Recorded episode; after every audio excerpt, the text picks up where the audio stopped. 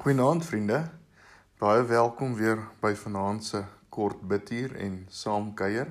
Ja, dis al 'n week wat ons in isolasie is en dis wonderlik om te sien al die foto's van die mense hoe hulle hulle self besig hou en en net met 'n klomp goedjies besig is. Dit's lekker om te sien dat dat dat ons darm ons op maniere kan besig hou. Het God jou lief? Dis die vraag waarmee ek vanaand wil begin. Het God jou lief? Maar voor ek verder gaan, wil ek eers sê jy moet net vir jouself hierdie hierdie vraag beantwoord. Het God my werklik lief? Daar word vertel van 'n Bybelstudiegroep wat eendag vir senior burgers aangebied was en daar was omtrent so 10 vroue teenwoordig. Daar is vir elke vrou gevra of God haar liefhet. Die antwoord het gewissel van ek doen nog so baie sonde en ek leef nie altyd reg nie tot ek weet nie en so kan ons aangaan. Een het gesê, volgens die Bybel moet ek ja sê. Dit is so belangrik dat ons moet weet dat God ons liefhet. Dit is wat geloof beteken. Dit is om God te vertrou. God het tog sy seun gestuur om aan 'n kruis te gaan sterf, nie waar nie? Daar het hy in my plek sonder sonde gesterf sodat my sonde nie 'n muur tussen my en God moet wees nie. Jesus het die muur afgebreek toe hy aan 'n kruis vir elkeen van ons gesterf het. Bernard Manning vertel van hierdie priester wat 'n plaasarbeider langs die pad gesien en bid het. Hy sê toe vir hom: "Jy moet baie jy moet God baie lief hê." Waarop die arbeider met 'n glimlag geantwoord het: "O ja, hy hou baie van my." Hierdie hier was 'n man wat omtrent geen aardse goed gehad het nie, maar alles wat hy gehad het, al wat hy gehad het wat saak gemaak het was die wete dat God hom liefhet. Hy kon met God gesels oor hy kom met God gesels soos 'n kind met sy pa en en en dit was 'n baie liefdevolle pa gewees. As ons in Jesus glo, word God ons liefdevolle Vader. Na Jesus opgestaan het uit die dood, het hy die het hy by die graf van Maria gesê: Ek vaar op na my Vader toe, waar ek wat ook julle Vader is, na my God wat ook julle God is. Johannes 20 vers 17. En dan skryf Johannes Kyk watter groot liefde die Vader aan ons bewys het. Hy noem ons kinders van God en ons is dit ook. Dit is so jammer dat so baie paas se optrede nie getuig van wat 'n pa se omgee vir kinders is nie en en baie paas wil nie net die beste vir hulle kinders hê nie. En daarom vul die beeld van Vader wat die Bybel gebruik baie keer met word dit vervang baie keer met teleurstelling of haat. Maar Jesus sê sy Vader is een, 'n God van liefde en deernis. Ferdinand daai skryf van God se liefde. God verdra alles van jou. Hy hou nie boek van die verkeerde dinge wat jy doen nie en hy glo net die beste van jou. En hy glo nie die beste van jou en hy hoop ook nie die beste vir jou. Ons troos is dat God alles van ons weet. Die psalmdigter skryf in Psalm 94 vers 9: "Sou hy wat vir ons ore gemaak het, self nie kan hoor nie, so hy wat vir ons oë gemaak het, nie kan sien nie. Jesus het vir ons sondes gesterf omdat God ons liefhet, onvoorwaardelik liefhet. Johannes, een van die disippels van Jesus, het dit sekerlik die beste verstaan. In die evangelie van Johannes verwys hy 4 keer na homself en elke keer as die disipel vir wie Jesus lief was. God se liefde word saamgevat in hierdie bekende teks van Johannes 3 vers 16 wat sê want so lief het God die wêreld gehad dat hy sy enige gebore seun gegee het sodat elkeen wat in hom glo nie verlore mag gaan nie maar die ewige lewe kan hê. God het die wêreld dit God het die wêreld dit is alle mense lief so lief dat hy sy seun gegee het om in elkeen se plek en vir elkeen se sonde te betaal. Dit geld dus vir elke mens met wie ons te doen het, vir elke mens wat op wat ons op straat sien. Dit geld ook vir die grootste misdadiger en die gehardste moordenaar. Hy het elke mens so lief sodat elkeen wat in hom glo nie verlore sal gaan nie, maar die ewige lewe kan hê. God skryf niemand af nie. Kom nou laat ons hierdie saak uitmaak, sê die Here.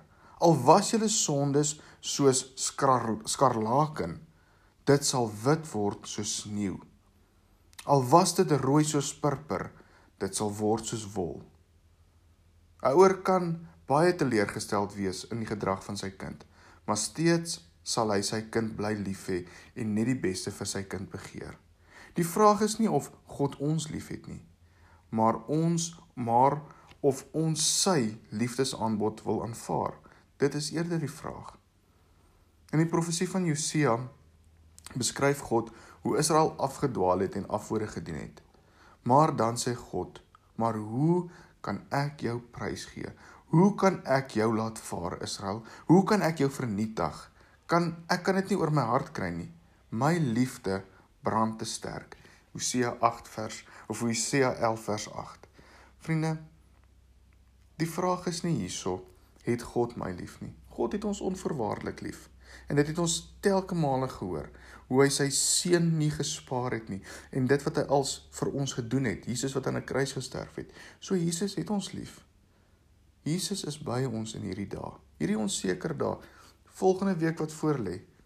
Vriende, Jesus is by ons en Jesus het ons lief. Hy los ons nooit alleen nie. Kom ons maak ons oop toe. En kom ons bid saam. Here, dankie dat ons altyd kan weet dat U ons liefhet. Dankie dat ons altyd daarop kan reken dat U net die beste vir ons wil hê. En dankie dat U deernis het met ons vir alles ons swaar kry. Ons bid dit in U naam. Amen.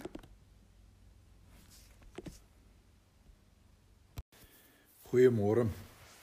Kom ons staan so vir 'n paar oomblikke stil by vanoggend se bemoediging. Ek wil vanoggend en volgende Dinsdag by Psalm 27 stil staan omdat dit gewoon net te lank is om dit alles in een geleentheid te sê. Nou Psalm 27 begin met die woorde: Die Here is my lig en my redder. Vir wie sou ek bang wees? Die Here is my toevlug. Vir wie sou ek vrees? Nou is die vraag vanoggend: kan ek en jy dit saam met die psalmdigter uitroep? Kan ons regtig in die situasie waarin ons ons dikwels bevind Sonder vrees en sonder bang wees sê die Here is my lig en my redder. Vir wie sou ek bang wees? Die Here is my toevlug, vir wie sou ek vrees?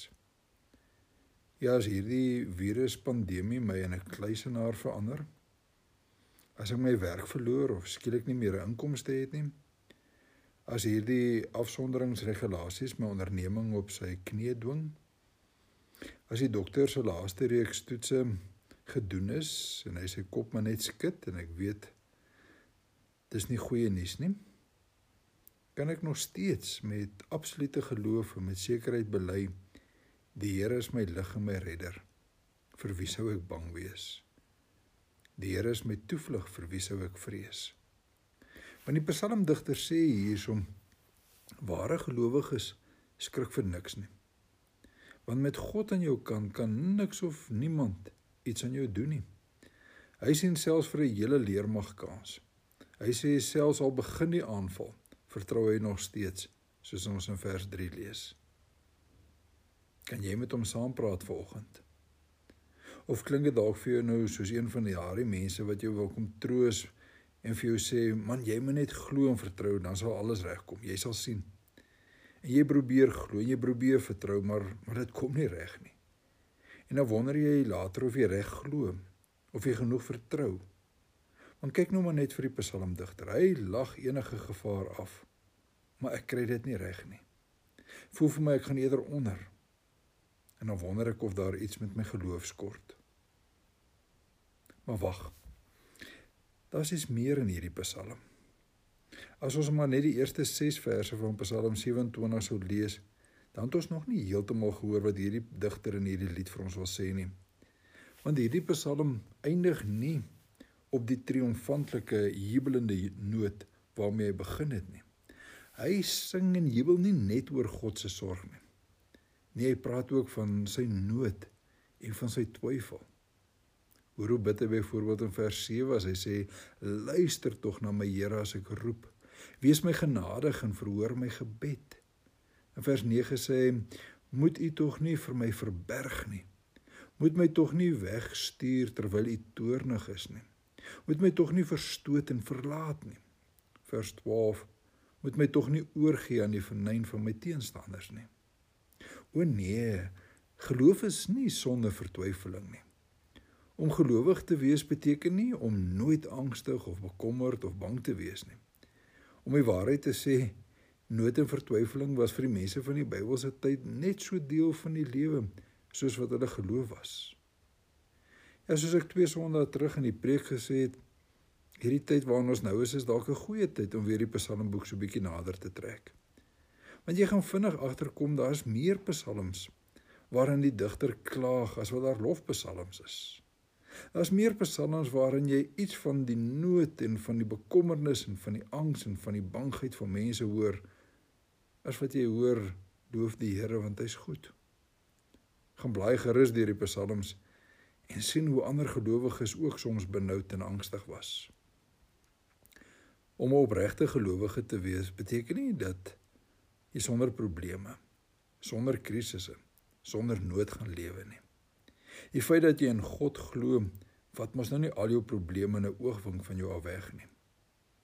Ek sou vanmôre baie voorbeelde kon noem van gelowiges in die Bybel wat in angs of nood verkeer het. Vat maar die verhaal van Job. Of dink aan Dawid wat vir koning Saul moes vlug. Dink aan Paulus wat hy alles moes deurmaak. Ons kan ook aan ons Here Jesus Christus dink. Ons is nou net deur lydenstyd en ons het soveel keer vir mekaar herinner aan sy swaar kry.